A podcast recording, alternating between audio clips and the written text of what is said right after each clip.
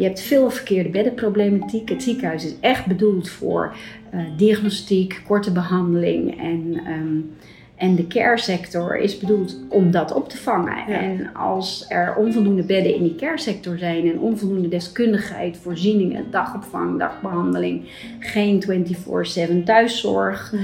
ook de huisartsenzorg is niet 24/7, ja, dan wordt het heel moeilijk. Aruba is zo groot als Texel. Er komen hier jaarlijks zo rond de anderhalf tot 2 miljoen toeristen. Dat gaat dan om 18 toeristen op één bewoner. En ehm, de invloed van met name hè, de, de Amerikaanse toerist is natuurlijk enorm groot geweest op het eiland. Ik ben Danka Stuiver en in deze podcastserie ga ik in gesprek met Nederlandse artsen die, net als ik, wonen en werken in het buitenland. Waarom besloten zij te vertrekken en waar lopen zij tegenaan?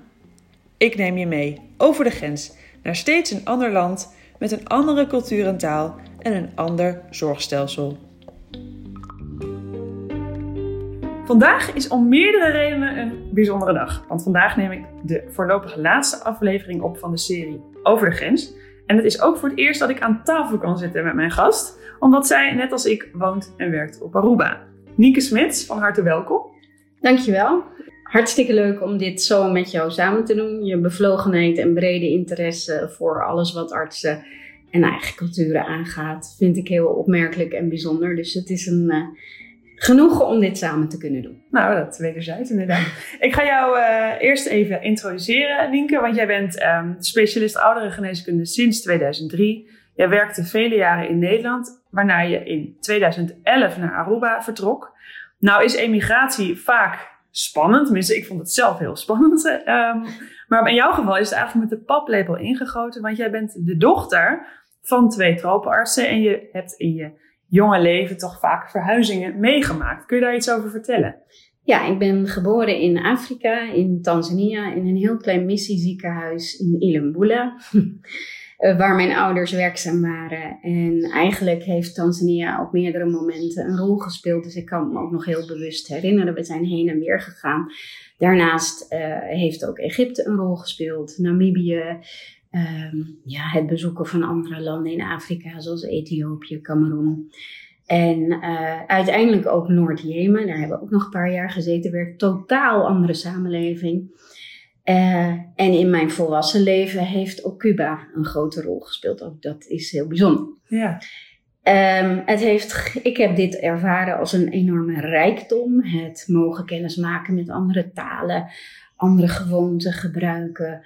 Um, je ook realiseren dat uh, je niet altijd alle welvaart hebt, niet altijd alle voorzieningen, stroom die regelmatig uitvalt, water, wat er vaak niet is. Um, het maakt dat je um, ja, uh, heel flexibel moet zijn en creatief, praktisch. En uh, daar word je een multi-inzetbaar mens van. En Aruba was voor mij de kans om ook mijn kinderen een vergelijkbaar soort leven te kunnen geven. En wat misschien wel leuk is om te noemen, ik vroeg op een gegeven moment aan mijn dochters op een druk kruispunt, stonden we stil te wachten en toen heb ik ze gevraagd, goh, wat valt jullie nou op? En wat mij opviel was dat er allerlei verschillende soorten mensen over dat kruispunt heen en weer gingen. En mijn dochters zeiden, niks, hoezo?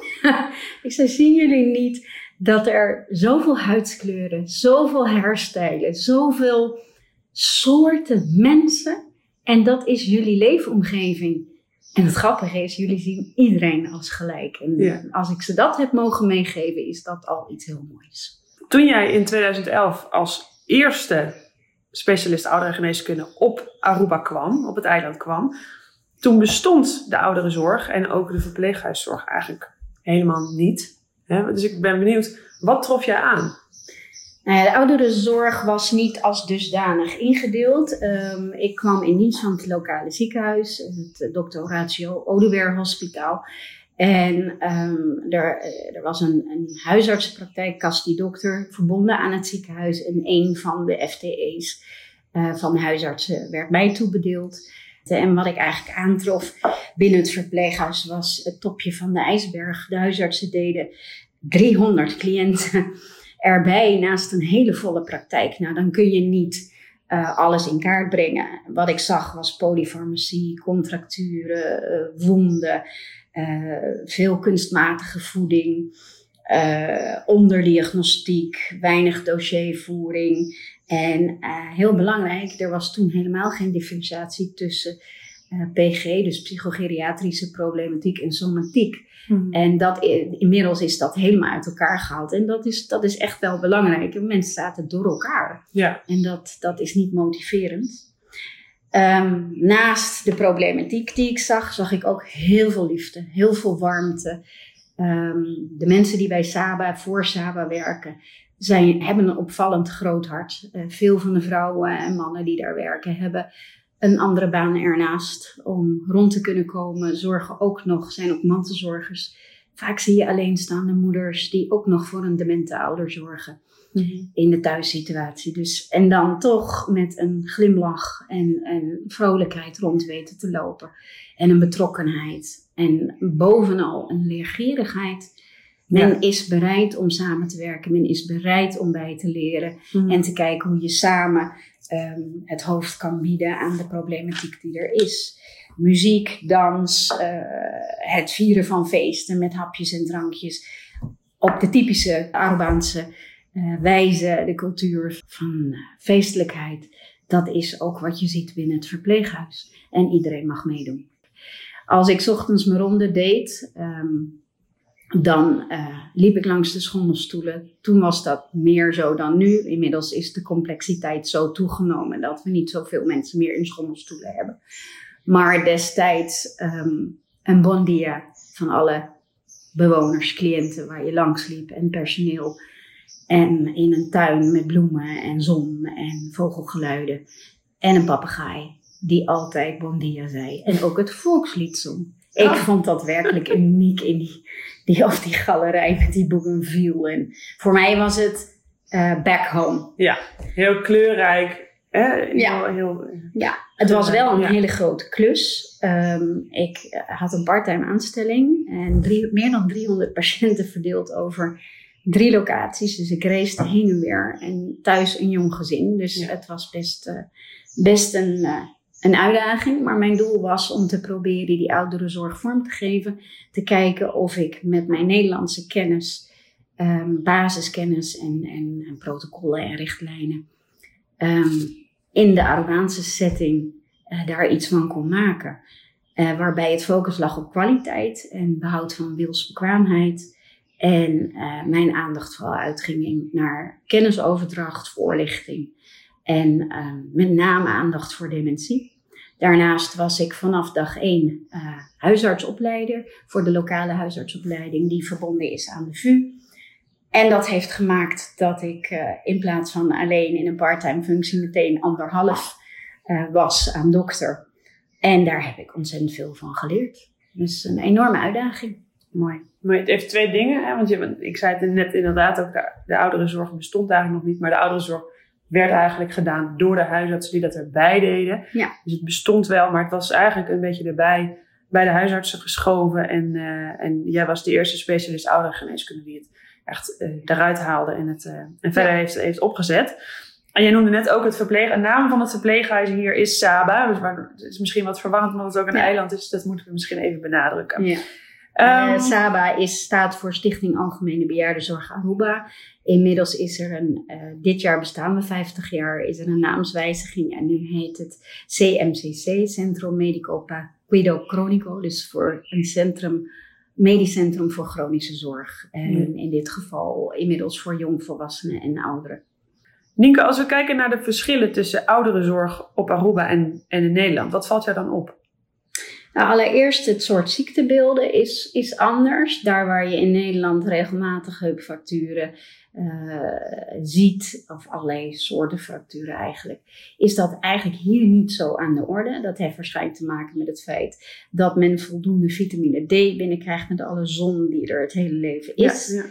Eh, daarnaast is COPD-gerelateerde problematiek zien we ook heel weinig, zeker in verhouding tot Nederland. En dat zal voortkomen uit het feit dat weinig Arubanen roken. De kennis, de algemene kennis op het gebied van gezondheid uh, en zorg is, is wat minder. Men wijt oorzaken van ziekte vaker aan taboes. Uh, en dat heeft meer te maken met niet weten waar iets vandaan komt. En daar ook moeite hebben om daar open over te zijn. Ja. Um, verder, uh, binnen deze cultuur is agua di vida. Het levenswater is ontzettend belangrijk. Uh, kwantiteit van leven gaat vaak voor op kwaliteit van leven. Um, eten en drinken speelt binnen de samenleving sowieso een grote rol. En ook in die laatste fase. Het zorgen dat iemand voldoende eet en drinkt is ook een manier van liefde tonen en, en je zorg voor, voor je uh, geliefde um, uh, neerzetten. Ja. Soms is dat moeilijk, zeker in de laatste fase als iemand diep dement is of um, eigenlijk eten en drinken niet meer lukt ja, dan gaat dat gepaard met uitleg en uh, ook het zoeken naar een middenweg. Um, het plaatsen van een infuus kan medisch, technisch absolute nonsens zijn. Maar als het helpt om naasten uh, in dat stervensproces beter te begeleiden, dan is dat precies wat ik doe. Als dat rust geeft en voorkomt dat iemand op het laatste moment nog uh, ingestuurd wordt naar het ziekenhuis voor een infuus, dan denk ik dat dit een hele mooie compromis is. Dus, dus ja, dat is anders. Dat zou je in Nederland niet doen. Nee. Um, het zorgnetwerk met eilandbewoners, uh, uh, collega-specialisten is ontzettend waardevol. Laagdrempelig. Er is weinig wet en regelgeving. In Nederland is alles vastgelegd. Ja. En je hebt de BOPZ en alles wat daaruit voortkomt. Dat hebben we hier niet. Wat ik dan wel vind, is dat duidelijk wordt waarom die wet en regelgeving er eigenlijk wel moet zijn. Want het is ook je houvast. Mensen hebben moeite met het vastleggen van het medisch beleid. Uh, in Nederland, in een verpleeghuis bij opname, wordt dat al besproken. Uh, hoe ver ga je? Wel of niet naar een ziekenhuis? Wel of niet reanimatie? Wel of niet een comfortbeleid? Dat is hier veel moeilijker. Dat is eigenlijk voortkomend uit wat ik net al zei. Maar het is ook wel weer een uitdaging. En Ja. daar besteden we dus heel veel tijd aan, aan het begeleiden van mensen. En uh, mensen toch te sturen naar kwaliteit van leven en wilsbekwaamheid. En uh, te kijken of we daar samen kunnen komen. Ik denk, ik denk dat we voordat we verder gaan, uh, dat het goed is om even uit te zoomen. En het te hebben over het zorgstelsel op dit eiland. Hè, want dat is gebaseerd op het Nederlandse stelsel met de huisarts als poortwachter. Maar er zijn ook een aantal uh, belangrijke verschillen. De zorg die wordt um, gefinancierd vanuit de inkomstenbelasting. Mensen betalen hier dus ook geen zorgpremie. Uh, er is geen eigen risico. En de huisartsenzorg en de ziekenhuiszorg vallen onder de vlag van de enige zorgverzekeraar op dit eiland. En de rest is gesubsidieerd of geprivatiseerd, dus ook de ouderenzorg. Um, nou, we hadden het net al over het, het, ziekenhuis hier. Er is hier op het eiland één groot ziekenhuis met 150 bedden. En dan ook nog een kleinere kliniek in het zuiden uh, van het eiland. En de meeste tweede lijn zorg kan daar worden verleend. En bij meer complexe zorgvragen worden patiënten ja, overgeplaatst naar Nederland of naar Colombia. Um, nou, er zijn ook zo'n 50 huisartsen die dus de eerste lijn zorg um, uh, verlenen. En er is ook een huisartsenopleiding. Nou, we hadden het net al over het verpleeghuis. Uh, er is hier dus één verpleeghuis met 200 bedden waar jij werkt. En dan zijn er 18 particuliere bejaardentehuizen. Um, dat even als achtergrond. En persoonlijk merk ik als huisarts dat er op het eiland toch wel een hele sterke focus ligt op het ziekenhuis en op ziekenhuiszorg. En, en veel minder op de zorg daarbuiten. En ik vroeg me af wat jouw ervaring daarin is. Ja, dat is zeker ook mijn ervaring. Uh, het focus ligt op cure en, uh, en niet op care. En dat is, dat is moeilijk, omdat inmiddels in de, in de laatste jaren twee derde van de bevolking behoefte heeft aan care. En uh, dit neemt alleen maar toe. En de bewustwording dat dat zo is, die is nog matig. Uh, er is geen zorgwet die uh, care erkent. En een passend financieringssysteem is er ook niet. Daar waar je in Nederland vanaf je achttiende mee moet betalen voor uh, je latere oudere dag. je oudere dag waar de meeste mensen het meest kosten mm -hmm. in hun hele leven. Dus wat de samenleving veel kost. Daar, dat soort systemen heb je hier niet. Nee. En um, de subsidies die er zijn, die schieten tekort. Ehm, en de eigen bijdrages die mensen kunnen betalen, ja, dat, dat is beperkt. Dat maakt dat die hele care sector probeert zich staande te houden. Ehm, en wat men zich vaak niet realiseert, is dat uh, zowel cure als care is één zorgsector. Ja, het is een keten, hè? Het is een keten. Schakelt. Ja, ja, waar men samen zou moeten werken en elkaar zou moeten aanvullen. Um, hetgeen uiteindelijk ook kostenbesparend is. Je hoeft geen dingen dubbel te doen. Nee. Uh, sluit je goed op elkaar aan, communiceer je met elkaar, stem je het beleid af, dan um, ja, gaat dat uh, met efficiëntie en uh, meer kwaliteit van leven gepaard. Je hebt veel verkeerde beddenproblematiek. Het ziekenhuis is echt bedoeld voor uh, diagnostiek, korte behandeling en, um, en de care sector is bedoeld om dat op te vangen. Ja. En als er onvoldoende bedden in die care sector zijn en onvoldoende deskundigheid, voorzieningen, dagopvang, dagbehandeling, geen 24/7 thuiszorg, mm -hmm. ook de huisartsenzorg is niet 24/7, ja, dan wordt het heel moeilijk. Ja, ja. Maar op dit moment um, zijn er nog geen passende voorzieningen of nee. middelen nee. Uh, die toereikend zijn voor de care. Precies, ja. Ja, ik denk dat we in Nederland weten we ook dat, dat eigenlijk de helft van onze zorgkosten gaat naar 65 en ouder. Hè? Ja. En, en een kwart van de zorgkosten gaat zelfs naar, naar um, ja, slechts 1% van de Nederlanders, vaak in de laatste fase van hun leven. Dus dat geeft al wel aan hoe uh, belangrijk, maar ook hoe kostbaar dat laatste stukje is. En dat besef um, moet misschien nog wat meer ook gaan, gaan komen hier. Ja. Um, waar ik het met jou over wil hebben. Um, we weten hier op Aruba dat 80% van de Arubanen kampt met overgewicht. Ja. bijvoorbeeld een aandoening als suikerziekte uh, komt hier voor bij 16% van de bevolking. met alle gevolgen van dien. Hoe verwacht jij dat de zorgvraag gaat veranderen in de toekomst? Nou ja, wat je eigenlijk in de, ik ben hier nu 12 jaar en um, de complexiteit van zorg neemt toe. En daar waar we voorheen nog veel honderdjarigen hadden in het verpleeghuis. En uh, ja, de leeftijd waarop men opgenomen werd lag hoger. Zie je nu dezelfde zorgvraag bij uh, jongvolwassenen mensen rond de 35 die uh, ook 24/7 volledige zorgbehoeften uh, hebben.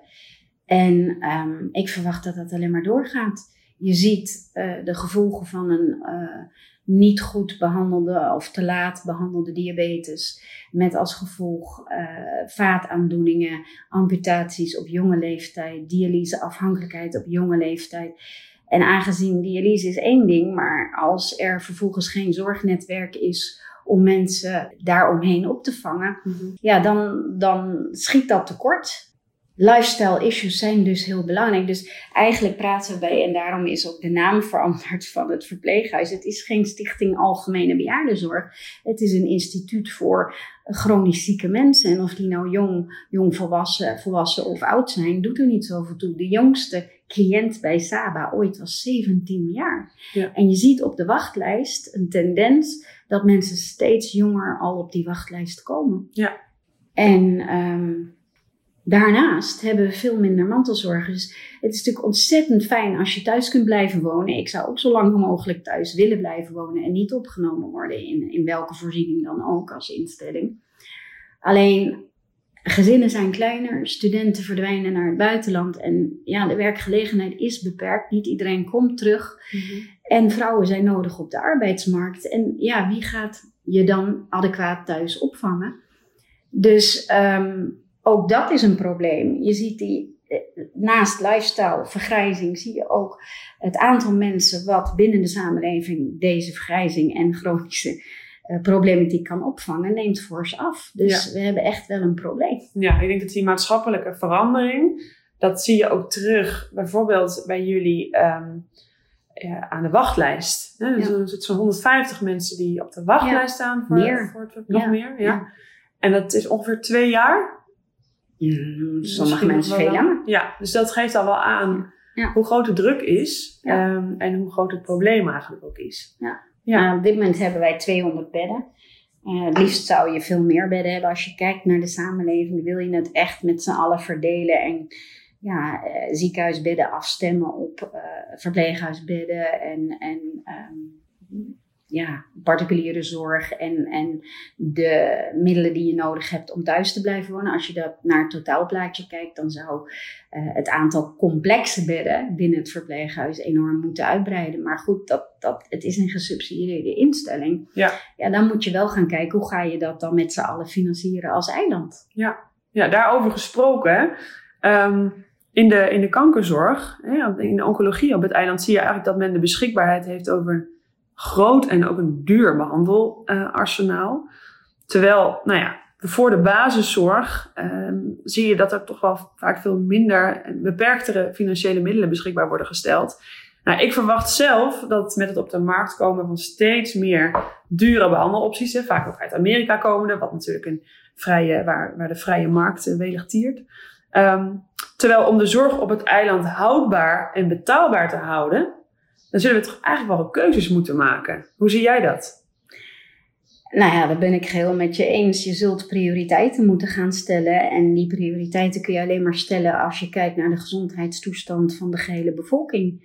En um, bijvoorbeeld dialysebehandeling. En het is natuurlijk ontzettend fijn als er dialysebehandeling is. En daar wordt ook flink in geïnvesteerd. Maar als die basiszorg er niet is en als je je realiseert dat één op de twee mensen met dementie te maken krijgt, de volgende pandemie. Ja. En dat is wereldwijd. Dat is echt niet alleen Aruba. Alleen voor ons hier is het door lifestyle een nog groter probleem. Ja, dan, dan um, is juist die basiszorg, die integrale zorg, is ontzettend belangrijk. Er is geen kist met geld. Uh, hier niet, uh, op de andere eilanden niet, in Nederland ook niet. Maar het wil niet zeggen dat er helemaal geen geld is. Precies zoals jij aangeeft, je zult keuzes moeten maken en uh, wat gaat eerst? En ja, wie, wie vangt deze toenemende zorgvraag op en mhm. waar ligt dan die basis? Ja. En ik denk dat dat iets is waar we met z'n allen naartoe moeten werken en ook over in gesprek moeten gaan van uh, wie bepaalt het en, en waar liggen dan behoeftes? Hoe ga je dat doen? Ja, ik denk dat, dat jij zei het net al even, hè, je benadrukt van straks hebben we te maken met één op de twee mensen hebben een vorm van dementie. Dat, is, dat moeten we nog een keer benadrukken, denk ik, want dat is ontzettend belangrijk en dat legt een enorme druk op een maatschappij en ook op de zorg. Uh, dat heeft te maken met leefstijl. En dat heeft voor een heel groot deel weer te maken met het toerisme op het eiland. Daar hebben we het eigenlijk nog niet over gehad, maar ik denk wel dat het belangrijk is om te noemen. Hè? Aruba is zo groot als Texel. Er komen hier jaarlijks zo rond de anderhalf tot 2 miljoen toeristen. Dat gaat dan om 18 toeristen op één bewoner. En um, de invloed van met name hè, de, de Amerikaanse toerist is natuurlijk enorm groot geweest op het eiland. Wil je daar nog iets over vertellen? Nou ja, het is natuurlijk ontzettend belangrijk om dat te vermelden, omdat je in de laatste 50 jaar, eh, SABA of CMCC bestaat inmiddels 50 jaar. Dit jaar is ons jubileumjaar. En wat je ziet is dat uh, hoe het ooit begonnen is als algemene bejaardenzorg en wat het nu is, een centrum, medisch centrum voor een hele specifieke doelgroep, namelijk chronische zorg, niet alleen voor ouderen. Het is ook een weerspiegeling van de maatschappij. Daar waar 50 jaar geleden er eigenlijk helemaal geen behoefte bestond aan instituutzorg, omdat families zelf voor hun, uh, hun ouderen zorgden, eigenlijk alleen de mensen bij de Lago die van buiten kwamen en hier geen familie hadden, die werden opgenomen in, in, in die bejaardenzorgzetting. Misschien moet je even uitleggen wat de Lago is. De Lago is de olieraffinaderij. Ja, dat was hier uh, ja, vroeger... was vroeger een hele grote bron van inkomsten. Ja. En langzaam maar zeker is het toerisme heeft dat overgenomen. En uh, ja, met name het Amerikaanse toerisme. En dat aan de ene kant heeft dat, is dat gepaard gegaan met een enorme welvaart. Wat je al zei, uh, het aantal toeristen wat per jaar het eiland bezoekt is enorm. Mm -hmm. uh, aan de andere kant heeft het ook de totale levensstijl veranderd. Mensen hebben allemaal een auto. Mensen hebben toegang gekregen tot de fastfood. Uh, ketens uh, naast het oorspronkelijke eten. Gezonde voeding is hartstikke duur, is niet voor iedereen toegankelijk. Dus dat maakt het ook lastig. Ja. En um, ja, de consequenties zie je nu terug in, in dat overgewichtverhaal en, en wat daaruit komt. Ja. En dat is, dat is lastig. Van hoe, ik denk dat veel mensen dit ook helemaal niet hebben zien aankomen. one happy island en ehm, big families en we zorgen voor elkaar en, en een, een warme, grote familie. Maar de consequenties van ehm, ja, en die vergrijzing, maar ook die chronische zorg, ja. zijn enorm en moeilijk op te vangen. En daarin is Aruba niet uniek, dat is wereldwijd zo. Ja. Maar op zo'n klein eiland voel je dat. Voel je dat ja. enorm. Ja. Ja. Nou werk jij ook samen met uh, onder andere Bonaire. Ik ben wel benieuwd, um, zijn de problemen op Aruba eigenlijk vergelijkbaar met de andere Caribische eilanden? Ja, ik denk dat, dat, dat ik, bedoel, ik werk samen uh, in allerlei vormen met de andere eilanden ook. Maar je geeft ook, ook voordrachten en lezingen en, en helpt elkaar op weg. Ik denk dat de problematiek overal hetzelfde is. We hebben allemaal dezelfde vergrijzing. We zijn allemaal een eiland. Wat het moeilijk maakt om alle voorzieningen te hebben. Dat is ook kostbaar. Um, we hebben elkaar nodig. Niet alle voorzieningen hoeven ook op ieder eiland aanwezig te zijn, mits je samenwerkt. Mm -hmm. We hebben allemaal geen kist met geld. De een wordt iets anders gefinancierd dan de ander. Bonaire heeft meer invloed van Nederland dan Curaçao en, en Aruba. Dus ja, er zijn wel verschillen, maar, maar bazaal is het precies dezelfde uh, situatie. Men heeft die enorme vergrijzing en het effect van lifestyle ja, daar toch niet voldoende op kunnen anticiperen om het nu het hoofd te kunnen bieden. Ja. En uh, ik denk dat er heel veel uh, mogelijkheden zijn om elkaar daarin te helpen. En, en de, ja, dat, dat is ook zeker iets wat gaande is. Ja, dus zowel op het gebied, eigenlijk wat je, wat je aangeeft, ook zo, zowel op het gebied van medische zorg als ook in het sociale domein uh, Ja. zijn er vergelijk, vergelijkbare problemen op de verschillende Caribische eilanden. En ik denk ook een van de dingen die we nog niet genoemd hebben, maar een van de belangrijke ja, speerpunten is ook bijvoorbeeld de preventie. Hè? Ja. Om, om daarbij meer kennis eh, te geven aan de bevolking over hoe je goed voor jezelf zorgt, hoe je voorkomt dat je ziek wordt. Ehm, ja, Ja. dus ik denk dat dat, eh, dat, dat zeker een, een speerpunt is. Dat is ook bij mijn werk zo. Heel veel tijd in de week spendeer ik aan lesgeven en voorlichtingen en trainingen. Ja. En het is ontzettend leuk om te doen, maar Ja. het is ook echt heel erg nodig. Alleen al met die geheugenpolie. Waarom, waarom hebben we zeven jaar geleden een geheugenpolykliniek opgezet? Omdat ik door het verpleeghuis rondliep en er allerlei mensen in foetushouding in een eindfase, stadium dementie, op bed lagen, waarbij de diagnose dementie nooit gesteld was. Ja, en dan ga je je afvragen, ik moet 15 jaar terug naar eh, het moment waarop dementie een issue wordt. Waarom? Omdat mensen dan hun zaken kunnen regelen, kunnen zorgen. Dat de mantelzorg eh, hier klaar voor is. Dat er beslissingen worden genomen over financiën, over huis, over wilsbekwaamheid. Ja. En eh, vandaar dat we dat op een gegeven moment hebben gedaan. Eh, in de laatste jaren zijn er overal fietspaden gekomen. Je ziet ook overal sportapparatuur buiten, Ja. waar iedereen eh, vrij eh, gebruik van kan maken. Ehm, de welwillendheid is er wel, alleen het probleem is dat het effect van die preventie, dat duurt jaren voordat je dat terugziet. Dus voorlopig ehm, is de impact van de situatie zoals die nu is, dat gaat nog jaren door. Ja. Maar dat betekent niet, uiteindelijk los je het probleem pas op als je heel veel aandacht gaat besteden aan die preventie. Want dit is tenslotte onze jeugd waar het om gaat. En Ja. uiteindelijk wil je een ommekeer maken naar een samenleving waarbij juist dat punt zoveel aandacht krijgt. Maar voorlopig is het nog allebei.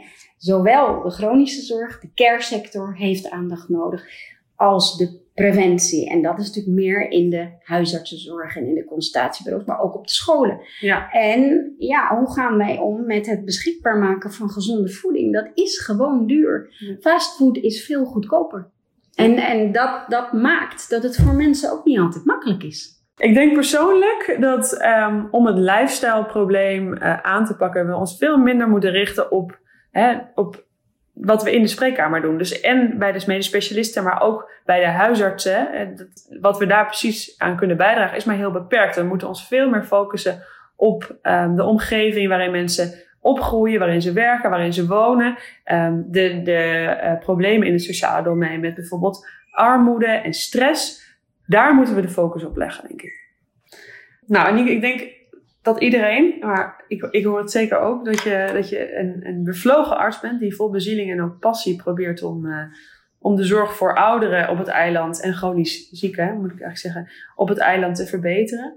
Um, nou ja, daarbij heb je ook geregeld te maken met uh, uitdagingen en ook wat tegenwerkende krachten. Um, dat lijkt me best wel moeilijk en ook stressvol. Dus ik ben wel benieuwd, wat doe jij op het eiland om te ontspannen?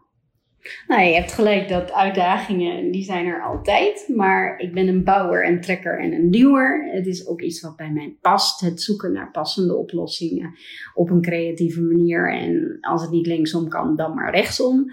Het werken in teams, het kijken hoe we met elkaar uh, deze situatie het hoofd kunnen bieden. Uh, het oplossingsgericht zijn is voor mij iets wat me positiviteit en motivatie geeft. Uh, daarnaast de diversiteit die ik hier heb. Um, ja, dat, dat heeft heel veel meerwaarde. Ik ben niet alleen specialist ouderengeneeskunde, maar ik ben ook opleider voor de huisartsen. zowel voor de IMSAN hier als voor de VU in Nederland. Uh, ik heb een rol gehad in het stafbestuur, ben ook een tijdje voorzitter van het stafbestuur geweest. Nou, dat zou je in Nederland eigenlijk niet vaak zien. Mm um, het opzetten van projecten, ook het opzetten van een uh, palliatief uh, team voor in de thuissituatie in samenwerking met de huisartsen. Ja, het, het, mijn privéleven en mijn werk loopt natuurlijk geweldig door elkaar. Je hebt geen tijden van 9 tot 5.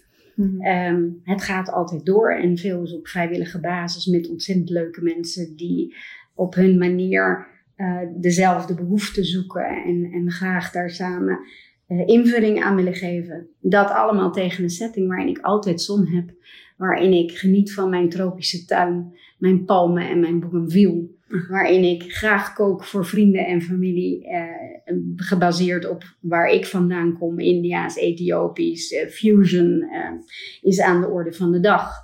En verder is het heerlijk om te gaan hiken, te snorkelen ehm, en iedere vrijdag het vakantiegevoel te hebben. Dus je hoeft maar op een terrasje te gaan zitten en je zegt wauw. Ja, ja, je hebt vakantiegevoel. Ja, inderdaad. Ja. Um, nou, de laatste vraag die ik jou zou willen stellen. Stel nou dat je morgen de lotto wint. Dat is iets wat, uh, waar menig baan op, inzet, op inzet. Met van die loodjes. Um, stel nou dat jij morgen de lotto wint. Wat zou je dan doen? Nou ja, ik doe verwoede pogingen om dat te realiseren. Tot nu toe wil ik altijd alleen mijn eigen kaartje weer terug. Dus het, het lukt nog niet zo. Maar ja, de volhouder wint. Nee, als ik, een, een, als ik de lotto zou winnen, dan zou ik mijn droom willen verwezenlijken. Namelijk um, een, een, een verpleeghuis neerzetten zonder dat je afhankelijk bent van wie of wat dan ook. Dat je het echt zelf zou mogen indelen. Uh, een verpleeghuis met uh, de expertise en, en ja, um, wel specialiteit van de specialist ouderengeneeskunde, maar vormgegeven zoals ik denk dat dat binnen deze setting past. En dan heb ik het over woon-leefomgeving, de tuin die zo belangrijk is, de muziek die zo belangrijk is, het eten en het drinken. Je hebt in Nederland Dementia Village en dat heb je verspreid over de wereld. Zijn er meer organisaties die dat doen, waarbij dementie eigenlijk wordt. Um, uh, ingebed in het normale leven. Je ontneemt mensen de vrijheid niet. Je gaat terug naar de wereld die ze kennen. Mm de herkenbaarheid en de vrijheid. En ja, aangezien dementie hier zo'n groot probleem is, zou voor mij mijn persoonlijke missie zou daar liggen. Maar goed, uh, voorlopig heb ik dat nog niet gewonnen. Um, daarnaast is dagopvang en uh, dagbehandeling denk ik iets wat voor Aruba uh, veel uitkomst zou bieden. Waarom? Omdat mensen dan uh, toch langer thuis kunnen wonen. Als mensen overdag opgevangen worden, maaltijden krijgen en hun medicatie in kaart wordt gebracht. En dat gedurende drie dagen in de week, dan kan de mantelzorger tot rust komen en eventueel parttime gaan werken. Ik denk dat dat een win-win situatie is. Ja. En um, als laatste punt vind ik trainen ontzettend leuk om te doen. Misschien wel het allerleukst.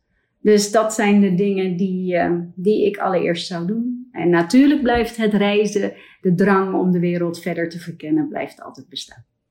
Mooi. Nou, ik vind het al goed om te horen dat als jij de lotto wint, dat je dan je blijft inzetten voor de ouderenzorg. In plaats van met een cocktail onder een palmboom te gaan zitten, want dat zou je ook kunnen doen natuurlijk.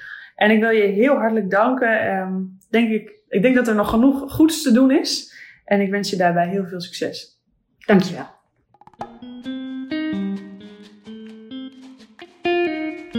Dat was hem dan alweer, de voorlopig laatste aflevering van deze podcastserie over de grens, die ik mocht maken in samenwerking met Medisch Contact. Ik sprak in totaal met 27 Nederlandse artsen uit 24 verschillende landen. En ik hoop dat jullie er net als ik van hebben genoten en geleerd. Ik zeer zeker wel. Ik denk dat we wel kunnen concluderen dat het zorggras bij de buren anders is, maar niet per se groener. En over enkele maanden zit ook voor ons gezin het buitenlandavontuur op. Na twee jaar Aruba keren we terug naar Nederland, waar vast weer nieuwe uitdagingen wachten. Ik ben Danka Stuyver en ik wil jullie heel hartelijk danken voor het beluisteren van deze podcast. Dag!